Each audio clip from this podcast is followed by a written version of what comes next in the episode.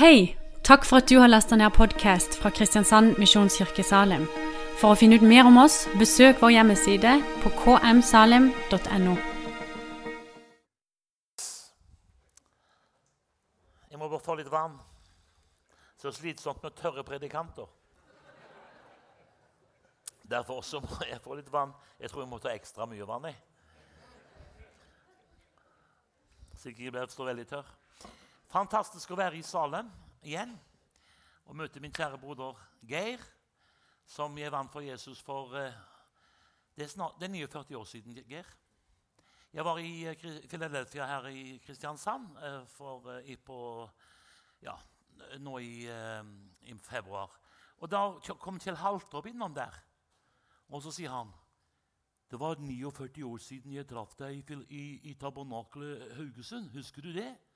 Og da tenkte jeg, kan du ikke være stemme det at det er 49 år siden? Men jammen er det det, altså. For inni her, vet du, så er ikke jeg gammel, vet du. Jeg er ung som en eh, Ja, vet ikke hva. Men iallfall I'm, I'm fresh! Praise God! Halleluja. Så du vet at om du uh, syns at jeg, jeg ser ut som jeg har lite tenner og hår, så In my heart, praise God forevermore. Halleluja. Så er jeg friskere enn noen gang. Så fasten your seatbelts, please, and keep ready. Nei da. Veldig flott. Nydelig. Så eh, tusen takk for innbydelsen til å være på Jesusfestivalen. Fint å møte, høre Morten her. Jeg har hørt han bare én gang før, og det var på Kanal 10. En slags sangkveld sammen med to-tre andre. Fire andre. To-tre andre. Eh, på eh, på eh, Soekirken i Fredrikstad. Så det, der har jeg hørt det før. Syns ikke det var et veldig fint vitnesbyrd? Sterkt å høre. Du vet det med kristen liv og kristen tro Når alt skal kokes ned, så har det med hjerteforhold å gjøre. Kan du si jammen til det? For du, du fortalte at hele ditt hjerte ble fulgt med Guds fred og kjærlighet og Den hellige ånd. Og alt som, har, som vi holder på med, det har med hjerteforhold å gjøre. Så ikke, det, så ikke hjertet er berørt, så er det bare religiøsitet. Men har hjertet blitt berørt, da er det vidunderlig. Halleluja. Og det er Derfor er jeg en kristen i kveld. For, for 49 år siden så kom Gud inn i mitt liv og berørte mitt hjerte. Og jeg hadde steinhjerte og var vill og gæren pluss moms. Skal ikke gå i detaljer på det. Men de som ikke slo ned, dem satte jeg meg på, så var de ferdige med en gang. For jeg var eh, 100 kilo da jeg var 15 år. Så, så jeg var, og matchmekta har jeg fortsatt beholdt. Halleluja. Så, så sånn var det. Men Jesus kom inn, forvandlet mitt hjerte. Og det er derfor jeg elsker Jesus. Ikke fordi jeg er så veldig noe spesielt å rope hurra for, men jeg kjenner det at jeg elsker ham fordi han har elsket meg. Precis. Jeg kjenner det at jeg elsker Jesus. Etter 49 år så er jeg veldig forelska i Jesus. Når jeg legger meg om kvelden, så, sier jeg ofte Fold i mine hender, eller, eller det er ikke alltid jeg gjør det, så sier jeg takk, Jesus, for du elsker meg. Takk for at jeg kan få sove godt i Jesu navn. Og Nå har det vært mye nå, siden vi, krigen kom til Ukraina. Jeg holder jo på der for fullt, som dere vet. Nå, har vi, nå vi ut i dag har vi sendt inn 600 tonn med hjelp siden krigen begynte. I Open Hearts regi. 600 tonn. Trailer på trailer kjører inn, hjelper de fattigste blant de fattige. Så, så da er det enda deiligere å kunne legge seg og vite at uansett hva som skjer i livet og i situasjonen som vi har, så er det en som sier 'Jeg vil aldri slippe deg, aldri forlate deg'. For se, jeg er med deg alle dager og alle slags dager inntil verdens ende. Du forstår, Kristendom det er det hjerteforhold. Det er det vi snakker om. Og Derfor når vi hørte han Andreas Nordli i dag snakket om å gå, gå, gå all in Altså, hva hva ellers? Vi kan jo ikke gå halvt inn på Jesus. Enten så er det helt eller halvt. Gid du var kald eller varm. Det står skrevet det, fordi du er lunken. ikke sant? Så jeg var vill og gæren før, jeg ble, ble frelst. Og på å si, jeg er fortsatt vill og gæren. Men for Jesus. Ja. Jeg kommer aldri til å bli religiøs. Det, det passer meg ikke i det hele tatt. Jeg husker jeg gikk til, i statskirka til konfirmasjon, og det var mye fine men, mennesker der. Men, men jeg syns det var mye luthersk katekisme og alt mulig rart som ikke jeg forsto noen ting av. Og så var det kjedelig, og så kom presten og sa navnet sitt, og han het Tidemann, og da fikk jeg problemer, for da tenkte jeg på måtte ut og ta meg en blås. Ikke sant? Så, ja, men det er jo ikke så rart, det. Så jeg brukte alterringen der til å hoppe, brukte det som hekk. For å ha litt action. Ja, men helt ærlig, Jeg forsto ingenting. For jeg trodde de sa du må bli kristen. Halvard tenkte nei, nei, det er ikke noe. Jeg hadde jo problemer med den norske loven. Hvordan var det hvis jeg skulle få ti bud til å holde? Det gikk jo ikke, det. Så det, det gikk ikke i det hele tatt. Men da jeg møtte Jesus, da var det noe helt annet. Da kjente jeg han berørte hjertet mitt. Jeg husker når jeg, jeg, jeg gråt aldri før, for jeg skulle ikke gråte. Banka, skalla og osv. Men da Gud kom og døpte meg i Den hellige ånd i pinsemenigheten i Haugesund, da gråt jeg som en unge. Bare sto der, forsto ingenting. Det var ikke noen som sto og tømte ei bøtte med noe varmt Helligånds kraft over meg. Jeg tenkte, hva er dette her? Og så begynte jeg å strigråte. Kjell Halter prekte på det møtet. Han talte om ild, og jeg visste jo ikke hva ild var. Tenkte, da Er han pyroman? tenkte jeg. Men da han begynte å preike, skal jeg aldri glemme det, så bare kom Kjell fløyt den ilden på meg. Så begynte jeg å grite og gråte. Kjente jeg elsker Jesus. Så jeg elsker Jesus fortsatt. Og Det er derfor også jeg fortsatt er trofast mot kona mi. vet du For det For jeg elsker henne av hele mitt hjerte. Det å være gift det har med hjerteforhold å gjøre. vet du.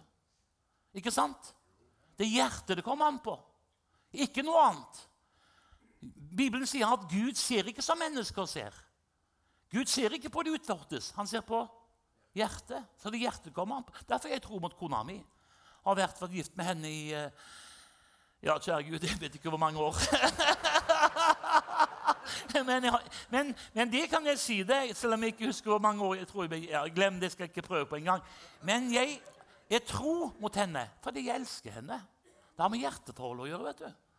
Og så er det én ting til som gjør at det går veldig bra i ekteskapet vårt. da, Og det er at jeg er jo aldri hjemme.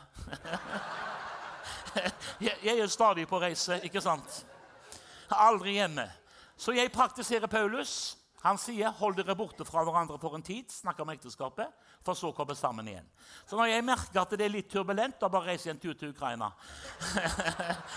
og så når jeg kommer tilbake, så er det 'back to first love'. Halleluja. Men nei, helt ærlig, jeg elsker kona mi. Jeg, jeg, jeg, jeg tror mot kona mi, for jeg elsker henne. Og det var det, var det Josef sa, ikke sant? Bare tenk på Josef. Hadde ikke Gud berørt hjertet hans? Tenk hvor fristende når han, hun der Potimor Ja, heter hun det? Ja, Da står han heter Potifar, han som var mannen hennes. Og da har ikke jeg noe annet navn enn Potimor på henne. Og Bibelen sier Trodde hun var noe holdt på å si, gammelt gammel takras? Nei, skal jeg love deg at hun var smurt inn på alle Egyptens måter. Og hun uh, var sikkert den rypa, for å si det rett ut. Ja, men det er jo klart, det. Helt åpenbart. Du kan bare lese litt historier om Egyptens eh, skatter. Og hun la sine øyne på Josef, og han sa, 'Kom og ligg hos meg'. Hele tida holdt hun på å friste ham. Vet du hva han sa? 'Hvordan kan jeg gjøre en så stor synd og synde mot Herren?' Hvorfor det? Fordi Gud hadde berørt hjertet hans. Og kjære kristne i Norge, vi snakker om ny revolusjon i Norge, eller Revive Norway. Skal Gud få vekke Norge, så er det én ting som trengs. Det er at han må berøre hjertene våre. For sann kristendom, det har med hjertet å gjøre. Derfor vil jeg sitere bibelverset for deg i kveld, som er min tale, i 2. Krønikerbok 16, vers 9. Der står det skrevet. For Herrens øyne farer over hele jorden for at han med sin kraft kan støtte dem hvis hjertet er helt med ham. Så så du det at det som Gud er mest opptatt med, det er hjertet. Ikke sant?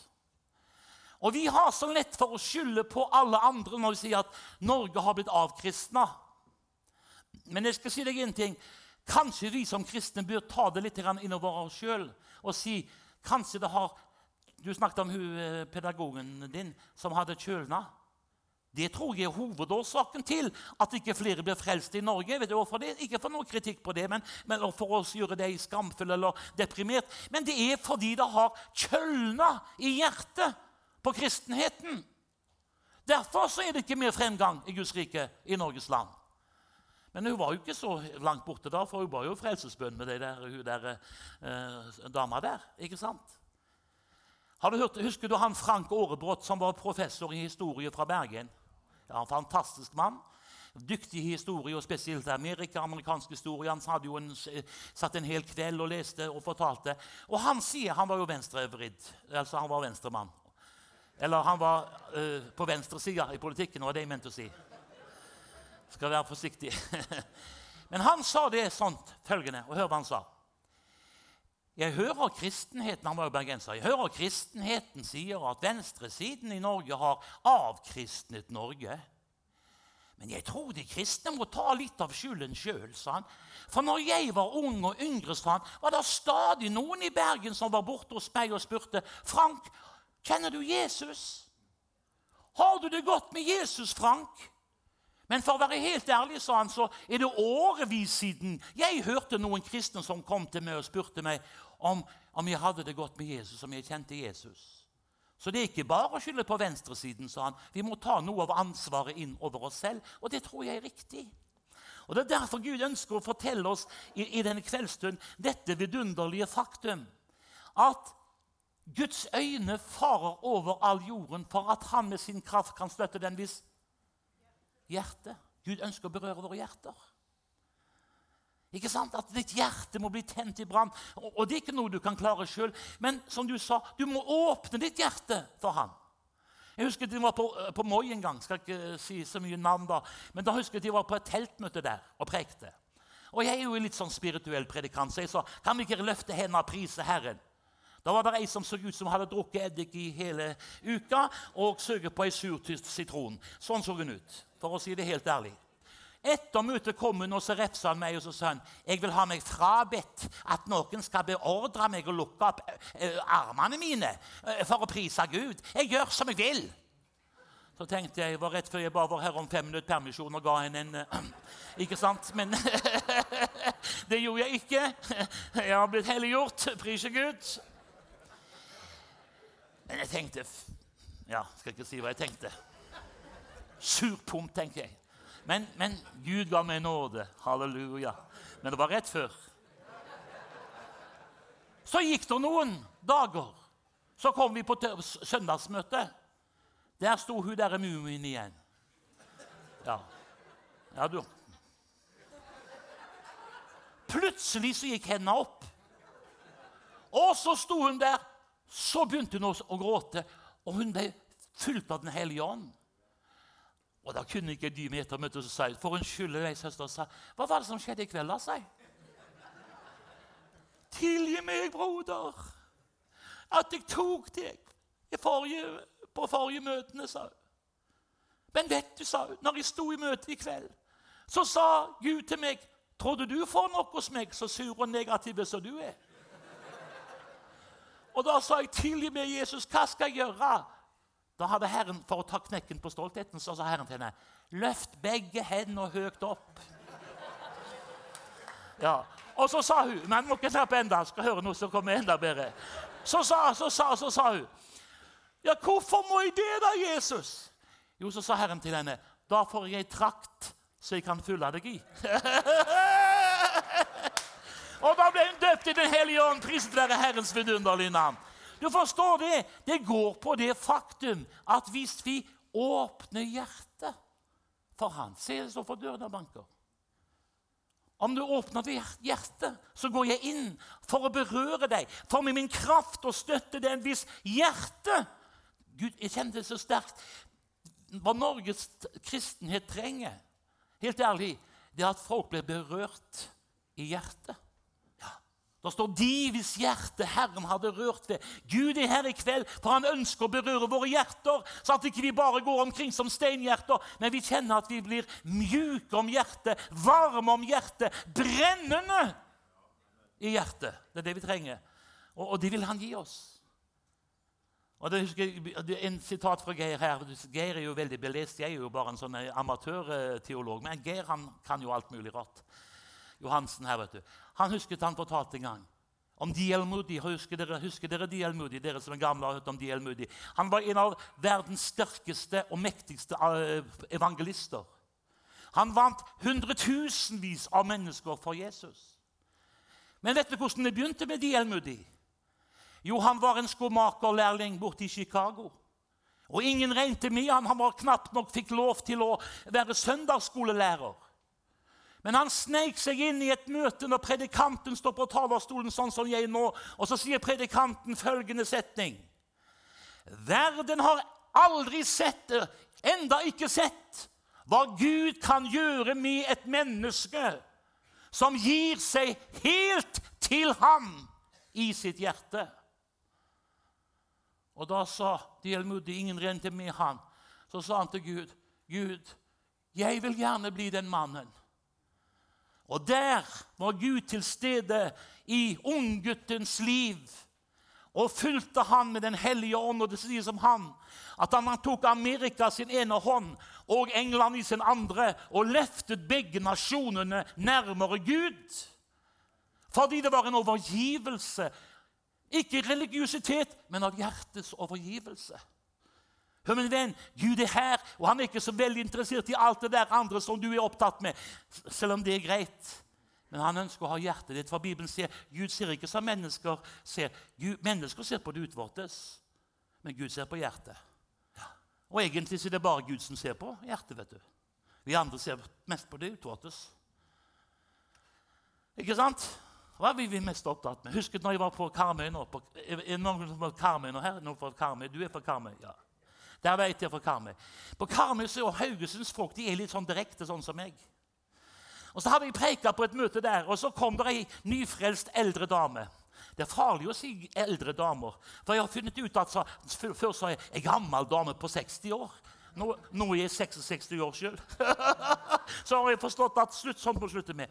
Men så gikk hun på meg, jeg vet ikke hvor gammel hun var, kanskje 70 også. Og så sier hun til meg Nå må du si meg helt ærlig, Halvard. For å snakke sånn som eh, vestlendinger. Ja, hva vil du vite, da? Ja, jeg vil vite en ting rett fra sak. Ja, hva er det for noe? Jeg ble redd, vet du. Jeg var jo ny som evangelist. Ja, hva du vil vite, da, si? Er det synd å sminke seg?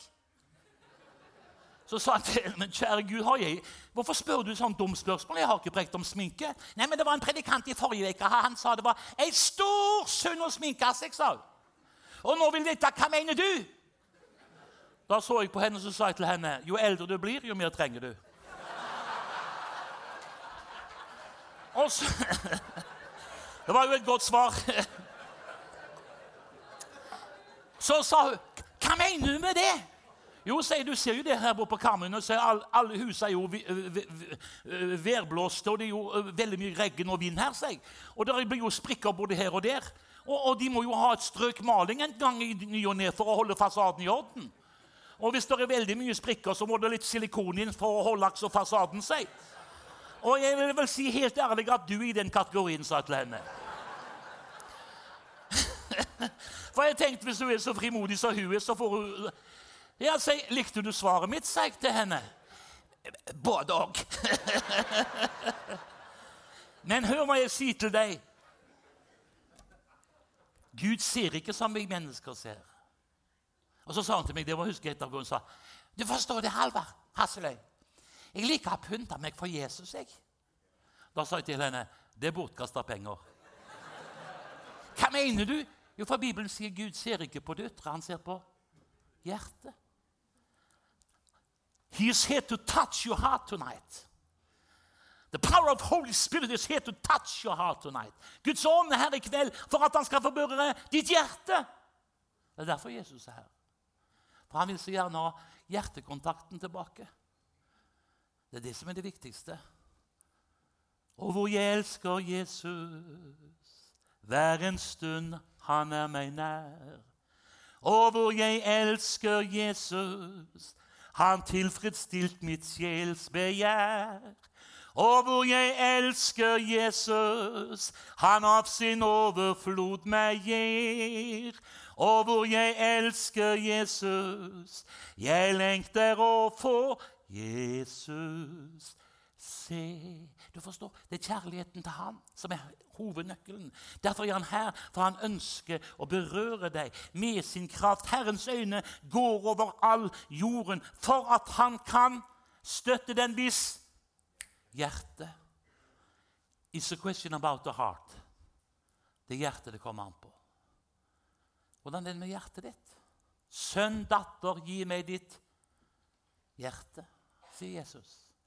Bevar ditt hjerte fremfor alt du bevarer, for livet utgår fra det. Du forstår at det begynner ikke på, Gud begynner ikke å plukke av det, alt det der på utsida. Kjære vene, jeg slutta ikke med noen ting. Jeg, jeg, jeg surra og drakk og festa og tura og vet ikke hva. Jeg slutta ikke med én ting når jeg ble frelst. Det datt av seg av seg sjøl. Ja. Jeg tenkte ikke på det engang. Jeg røyka som en steamboat. Og det forsvant. Så var det en dame som sa til meg ja, men 'Tror du ikke, Hasle, at jeg kommer til himmelen hvis jeg røker?' Hun var fra Haugesundskanten og snakket pent. 'Jo da', sier du, 'kommer mye fortere til himmelen', da. sier Så det er de du vil, si, så må du bare kjøre, på med 60-70 per dag, så er det ikke lenge før du er hjemme og fremme. Men det er klart det ser Gud har jo ikke skapt det for å røykes. At du skulle røyke seg, for da har han skapt det med nesa motsatt vei. Kunne du blåse med skorstein? Det går an å bli løst! men altså, det er jo ikke det Det er ikke det som går inn munnen, som gjør mennesket urent, men det som går presis hjertet. Fra hjertet strømmer over levende vann. Han er her for å berøre ditt hjerte. Og du forstår at Jeg har en sånn kjensle av at Gud han vil gjøre store ting. Bare han får tak i hjertet vårt, så kan Norge bli forvandla. Så kan Kristiansand bli forvandla. Og jeg tror på det, for jeg har opplevd det sjøl. Jeg, når jeg ble kristen, så sa de bare i 14 dager må han galningen der, så han like gjerne vil som alltid har vært. Men nå har det vært i 49 år. Det er nåde over nåde, det. Det er Guds store nåde. Jeg har ingenting å rose meg av.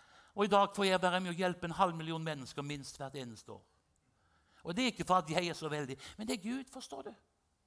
Jeg skal si deg én ting. Jeg skal aldri glemme det. og så hør nå.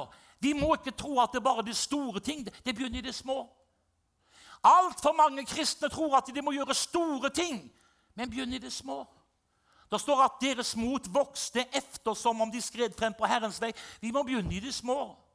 Det er i tjeneste i det små. Første gang jeg reiste til Polen, for eksempel, det var jo ikke fordi jeg følte Gud kalte meg til Øst-Europa. Men det var en som het Kjell Våråker, en gammel mann som ja, Nå er han gammel, han er 96, så det kan vel si at han er gammel.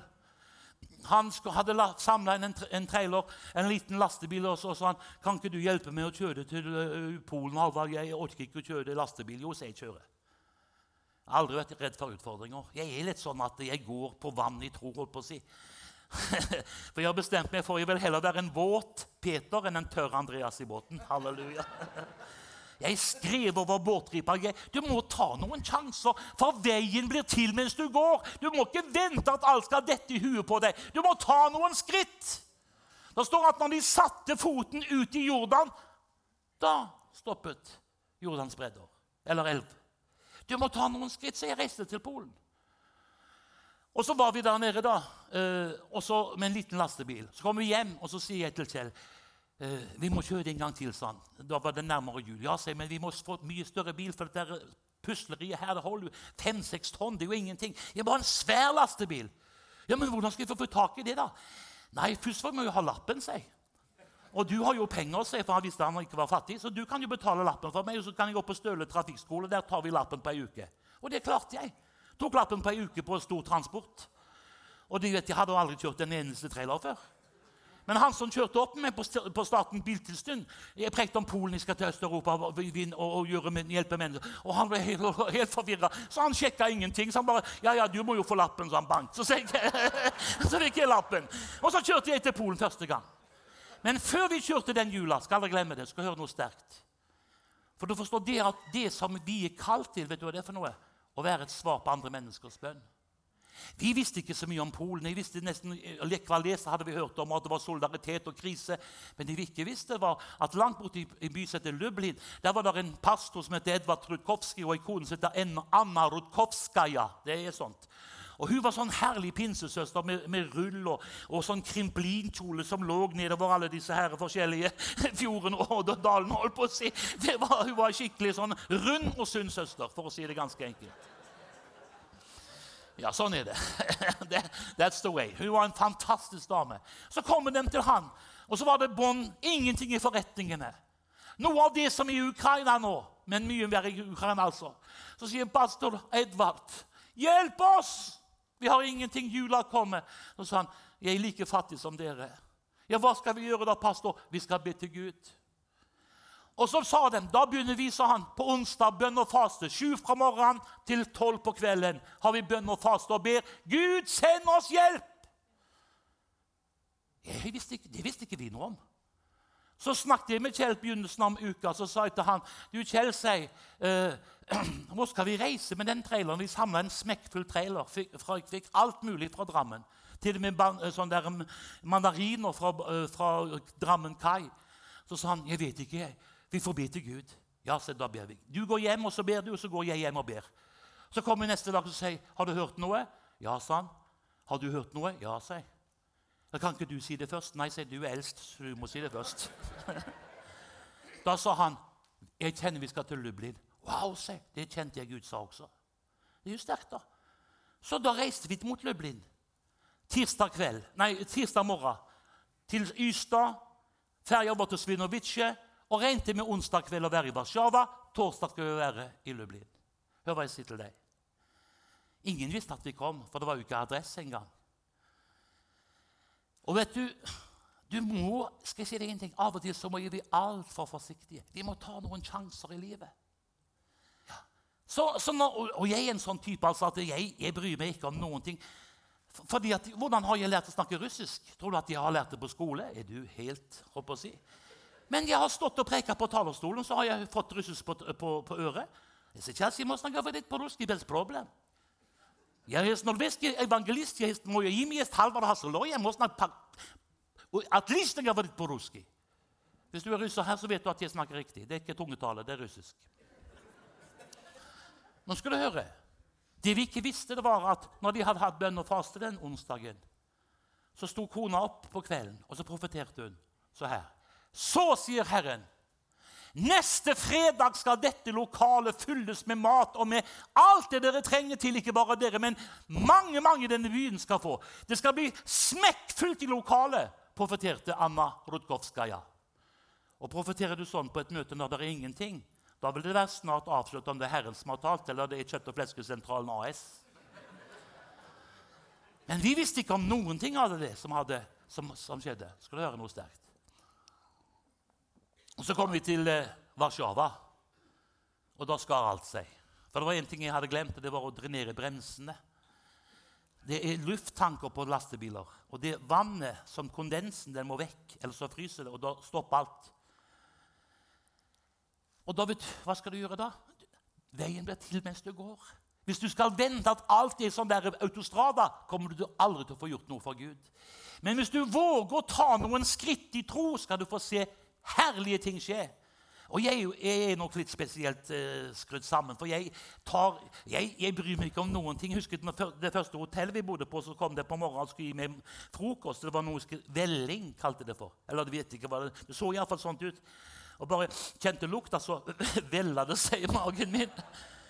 Og så sa jeg til hun der, pinne, rest, hun der uh, servitrisa Don't you have egg and bacon? Har du ikke egg and bacon? Hun kikka på meg, og så sa hun på polsk 'Nierosomjem'. Det betyr 'jeg forstår ikke'. Så sier 'Don't you have egg and bacon'? Nierosomjem. Og så så hun begynte å bli engstelig. for så egg bacon, du, Og så tok jeg litt kraftigere i, og tenkte jeg at, eh, og da så hun ble redd, for hun, hun var ikke vant med sånne folk. Så tenkte jeg, hvordan skal jeg forklare til henne at jeg skal ha egg og bacon? da? Men da gjorde jeg det, det naturveien, så reiste jeg meg rett opp. Så sto jeg på én fot og sa jeg, bak, bak, bak, bak, bak, bak, bak. og så slo jeg meg på skinnkassa. to minutter etterpå så hadde jeg egg og bacon. Halleluja. Du forstår, veien blir til mens vi går. Altfor mange vi venter på at alt skal være ferdig brolagt. Vi må ta sjanser. Hvis du blir minnet på ting, så gjør det! Fordi da kan du se der du går, skal din vei åpnes for deg. Og så kommer vi jo ned til Lublin da etter hvert, for vi fiksa den bilen. Men vi kom ikke på torsdagen, som vi trodde, men vi kom på fredagen. Vet du hvorfor? Jo, fordi Gud hadde ikke sagt torsdag, han hadde sagt fredag. Så når vi kom foran kirka der nede i Lublin, så var det tjukt med folk. Og, og, jeg tenkte i mitt stille sinn, kjære Gud, hvordan visste de at vi kom? For ingen visste at vi kom. Og Så fikk jeg tak i ei dame da, som kunne engelsk, og så sa, Why are you so many people here? How did you know that we were coming? Da begynte hun å grine, og så sa hun Mamma profeterte i forrige uke og sa i dag skulle hjelpa komme. Og når vi så traileren, da ropte vi 'Der er Guds bønnesvar'. Da begynte jeg å grine, jeg også. For da forsto jeg plutselig at det var én der oppe som så dem som lå på kne der nede i Lublin. Og så kobla han på oss i Norge. Og så ble vi bønnesvar fra deres livssituasjon. Jeg skal aldri glemme det. Det var julaften, påske og pinse på én dag. Det var jubel. Hel, og det ble akkurat som kona hadde profetert. Det ble smekkfullt i lokalet. Og Jeg skal aldri glemme en svær polakk som kom der, og han bar inn disse uh, mandarinkassene. Og Så så han på meg, og så sa han til meg Is it appelsin? No, it's not appelsin, it's mandarin. Is it good? it's very good, sa jeg. Skal aldri glemme det, altså. Sverre Polokk-hånda ned i kassen, tok tre mandariner uten å skrelle, smokka rett inn. Og tok så safta rant på kinnet og sa It is very, very good. Vet du hva jeg lærte da? Da lærte jeg en ting. At mitt kall i livet det er å være et svar på andre menneskers bønn. Det har med hjertet å gjøre. Vil du være et svar på andre menneskers bønn? For hør hva jeg sier, Det er ikke bare polakker og ukrainere som ber. Det fins tusener av nordmenn som ber til Gud akkurat nå. Du kan jo si det, Geir. Du sa jo i går her, Jeg fikk litt en sjokk når det ble sagt i går på møtet at vi skulle be til en mann, til Gud for en mann som han annonsert at i går kveld skulle han ta sitt eget liv. Ja, det er ikke noe som det var fullt sagt offentlig her. Og jeg tenkte er det sant, sa jeg til Geir. Ja visst. Jeg skal si deg en ting. Om vi visste alle så i, i Kristiansand som i fortvilelse roper Nå ble det bønnesvar der, da. Han var villig til å legge seg inn. fortalte, skal bare si ikke mer enn det. Så det ble jo et svar på bønn. Men hør hva jeg sier til deg. Vårt kall i livet det er at vi skal være svar på andre menneskers bønn. Og da vil jeg gjerne spørre deg vil du la Jesus berøre hjertet ditt sånn at, at Gud kan få bruke deg som et svar på andre menneskers bønn? Geir ble frelst fordi at jeg visste jo ikke at han var kalt av Gud. Og jeg visste jo ikke at han hadde ei bestemor som heter Lava Johansen, som ba for ham dag og natt. Men når jeg så den unge gutten stå ved døra på den samme skolen som gikk, da hørte jeg Den hellige ånd si til meg, 'Gå bort til han og spør han, vil du bli frelst?' Og Da hadde han samme morgen det kan han bekrefte selv, sagt til Gud nå har, jeg, nå har jeg gått her i to uker, Gud, og ingen kommer. I nå er det siste kveld, dag. Send et menneske til meg som spør meg vil du bli frelst, eller så vil du ikke frelse meg. Og akkurat den dagen kom brother Halvard, praise God. Halleluja. Rett på spott og spurte han vil du bli frelst. Og den kvelden fikk Geir ta, be frelsesbønn. Du forstår, det er det Gud ønsker. Han ønsker å berøre hjertene, så vi kan koble oss sammen. Så vi kan bli bønnesvar inn i menneskers livssituasjon som trenger Guds berøring. Kan du si ammen til det? Herrens øyne far over hele jorden for at han med sin kraft kan støtte den hvis hjertet er Gud er her for å berøre hjertet ditt. Og så tenker du ja, men da må jeg gjøre noe så fantastiske ting. Det kan være så enkelt som en telefon. Hvis du blir minnet på å ta en telefon til et menneske, gjør det! Jeg skal til om en mann som bor på Grimstad. Fantastisk mann. Han heter Skjervin. Noen av dere har hørt han. Han er iraner. Fantastisk mann, Skjervin. Kom til Norge som flyktning. Var muslim av, av eh, si, religion, men langt ifra hadde, hadde ingen tro på, på Mohammed og på Allah. Han ble narkoman, forteller han. står snart et stykke om NRK som sier. Kan du lese vitnesbyrdet? Men du vet det, som du forteller også, Morten. Det er jo ikke noe liv, det der, der å ruse seg og dope seg og tro at piger, vin og sang det er altså det som tilfredsstiller. Du blir tommere og tommere. Og til slutt så var Skjervin så tom at han bestemte seg for at han ikke ønska å leve mer. Og hva gjør Skjervin da? Jo, da går han opp i den største blokka der nede, som hadde elleve etasjer. Og så går han på, ut på kanten på blokka, og så tenker han nå er det punktum finale. Og står der og skal akkurat til å hoppe. Idet han tar sats, eller skal rett før han tar sats, så ringer telefonen. Og vet du hvem som ringer? En som heter Martin Geilén. Ja. Som er eh, sønn til hun der som du kjenner fra, fra hun der som er på Visjon Norge nå. Hun der som er litt dollete. Du kjenner henne. Hun er så veldig dollete. ja. Hvis du møter henne, bare si at Hasløy sa du var dollete, og det er sant. Kunne nesten tro hun var Dolly Parton, men det er en annen sak. Men, men, mann, men sønnen hennes han hadde blitt frelst. Og de hadde gått på kjøret sammen, Martin og Skjervin. Der står Skjervin for å gjøre slutt på livet. Så ringer Martin på telefonen, og så sier han, 'Skjervin, ja, hva vil du?' 'Jeg har blitt frelst. Jesus har forvandla mitt liv.' Så jeg kjente akkurat nå Jeg måtte ringe til deg. Jeg vet ikke hvordan du har det akkurat nå, men jeg kjente jeg måtte ringe til deg. Så si til deg Jesus er svaret, Skjervin. Og Skjerven tenker i alle dager, hvordan vet Martin at jeg står på kanten av stupet her og skal hoppe fra 11. etasje? Hvordan vet han det? Jo, han visste det fordi at han visste det. Og han så at jeg trenger her mer enn mennesker som vil ha svar på bønn. Jeg trenger noen som kan være et svar på andre menneskers bønn. Og så sa han, 'Oi sann, jeg trenger det.' Så møtes de, og så får Skjervin be frelsesbønn. Og i dag reiser Skjerven omkring i Norge som evangelist blant muslimske eh, arabere og vinner hundrevis av muslimer for Jesus Kristus. Vet du hva det fortjener? En applaus til Jesus.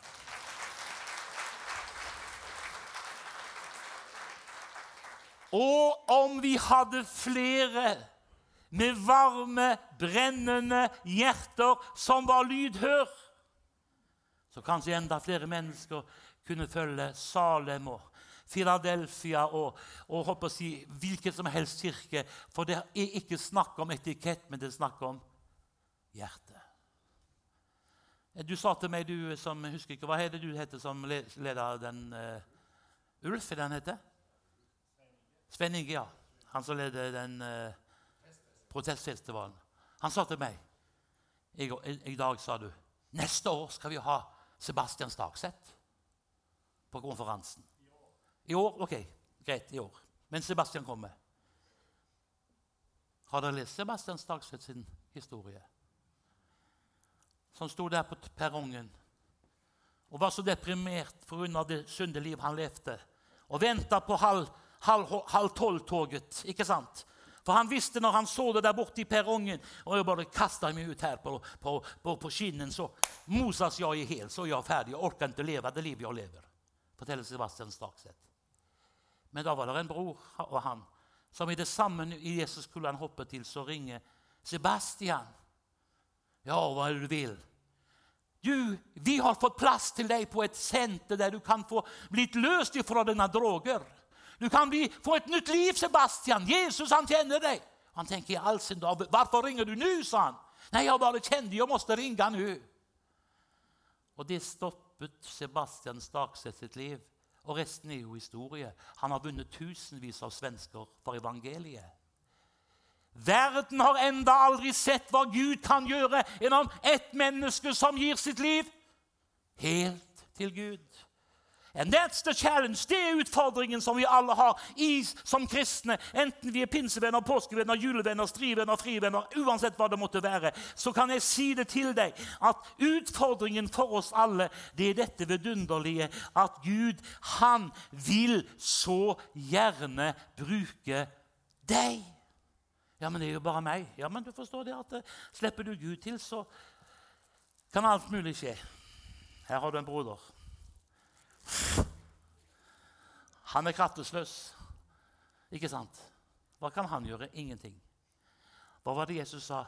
Uten meg kan dere Ikke akkurat. Hørte, men, du hørte om Ludvig Carlsen når han var nyfrelst. Så, så, lå, så lå han ned på, søkte han fram til forbønn og så sa han, Ja, kjære Gud, du ser jeg kan så lite. Og Da hørte han Herren si, sa han, Å ja, så du kan litt, altså? Nei, nei, jeg kan ingenting. ja, da kan jeg bruke deg. Og så overga Ludvig seg til Jesus, og resten er historie. Han vant tusenvis av nordmenn for Jesus og løftet opp navnet Jesus i nasjonen Norge. Har en, verden har enda ikke sett hva Gud kan gjøre gjennom et menneske som gir seg helt til ham. Hør hva jeg sier. Det er det som er vidunderlig her. At hansken trenger hånda. Da er det hånd i hanske. Det vet du om. Men vi trenger Jesus og hans kraft. Hvordan er det? Jo, det går på dette.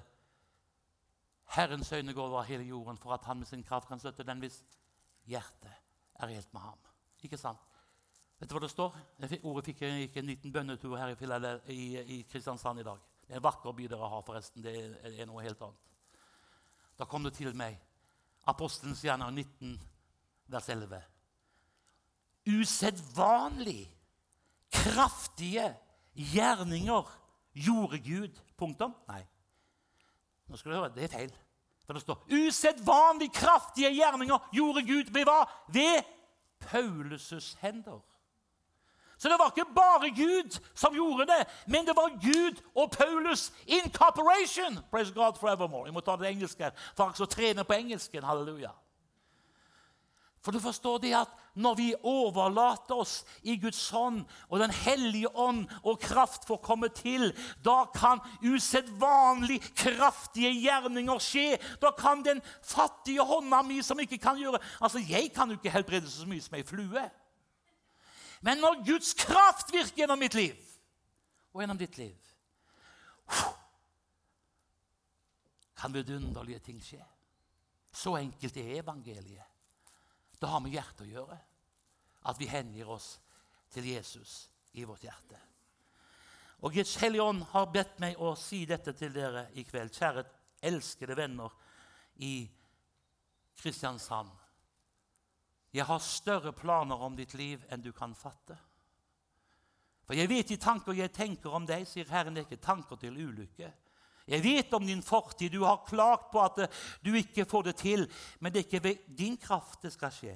Ikke ved makt og ikke ved kraft, men med min ånd, sier Herren. Og Jeg vet du tenker i deg selv at du er for ring og for svak. Men hør, sier Herren, jeg gir den trette kraft, og den som ingen krefter har. Jeg er stor styrke. Så sønn, datter, åpne ditt hjerte for meg, så vil jeg rikt fylle deg og du skal bli forundret over hva jeg vil gjøre når du går i samspann med meg, og la meg få lede deg, sier Herren. Da skal du få se ting du bare ikke forsto før du ser det. For jeg vil gjøre store ting gjennom ditt liv. Og det er ikke engler jeg tar meg av, men jeg vil bruke deg som et redskap i min hånd. Usedvanlig kraftige gjerninger gjorde Gud ved Paulus' hender du og meg kan bli brukt. Kan Gud bruke, Som du sa, kunne Gud frelse deg, Morten. Så kan han frelse alle. Og jeg vil si det, kan Gud, Kunne Gud bruke meg, så kan han bruke hvem som helst. For det, jeg har ikke store, spesielle evner. Men jeg kan si det helt ærlig. Siden jeg ble frelst, så har jeg hatt et ønske. Og det å leve helt for Jesus. Å være tent i brann. Det bare siterer til slutt hva, hva Emmausvandrerne sa når han holdt på og ville gå forbi dem. Du kjenner beretningen der som er kristne. Han lot som han ville gå forbi, men da sa dem til han, Det lir mot kveld. Bli hos oss. Ja. Og han gikk inn til dem. Da tok han brødet, brøt det. Da ble deres øyne åpnet. Og så, sa de, og så ble han borte. Og så sa de, brente ikke våre hjerter i oss når han talte til oss på veien? Vet du hva for noe? Det lir mot aften. Hvis ikke du har forstått det, så kan du bare se på den verden vi lever i. Med Putins rasling med atomvåpen. Jeg sier ikke det for å skremme, men vi må begynne å våkne ifra det faktum at vi har kommet inn i en tid da alt det som vi trodde var sikkert, det er ikke sikkert mer. Det lir mot aften. Snart kommer Jesus igjen. Og da er det, som er det viktigste vi kan gjøre, det er å invitere han. Ja, ikke sant? Husker du den gamle sangen? Når dagen heller og det lir mot kveld. Send bud på ham som alle ting gjør vel. Ja, når tiden heller og det lir mot kveld, må vi sende bud på ham som alle ting gjør vel. Skal vi bøye hodet og være innenfor Herrens åsyn? Shibronia sabrala questi piccini essendiana sakicilien. Skal vi bare, bare bøye oss innenfor Jesus, dere. Og så ble du stille for han, for meg er uvesentlig. Men, men åpne ditt hjerte for han. Jeg har ikke peiling på hvordan du har det. Kanskje du sitter her og du er syk i ditt legeme, har det vanskelig. Skal alle glemme et møte her i Salem. Der nede til venstre satt der ei dame. Hun hadde et øye som var fullt av blod. Husker du det møtet? Geir? Satt der nede overfor Kristiansand, hadde kommet her, et øye fullt av blod. Og Jeg husker at hun spurte meg ba for henne. Og mens vi ba, så bare kjente hun en hånd som ble lagt på det øyet. Neste morgen så var hun helbreda. Der Guds ånd er, er det frihet. Halleluja. Skal vi bare åpne oss for Jesus? Herrens øyne farer over all jorden. Han ser deg i kveld. Han kjenner din situasjon. Og så er han ikke her med Han er her med utdrakt arm og sier, 'Jeg vil møte deg'. Med evig kjærlighet har jeg elsket deg. Kom nær til meg, så jeg kan få legge min hånd på deg. Åpne ditt hjerte for meg, skal du få kjenne at jeg gir den trette kraft, og den som ingen krefter har, vil jeg gi stor styrke. Halleluja.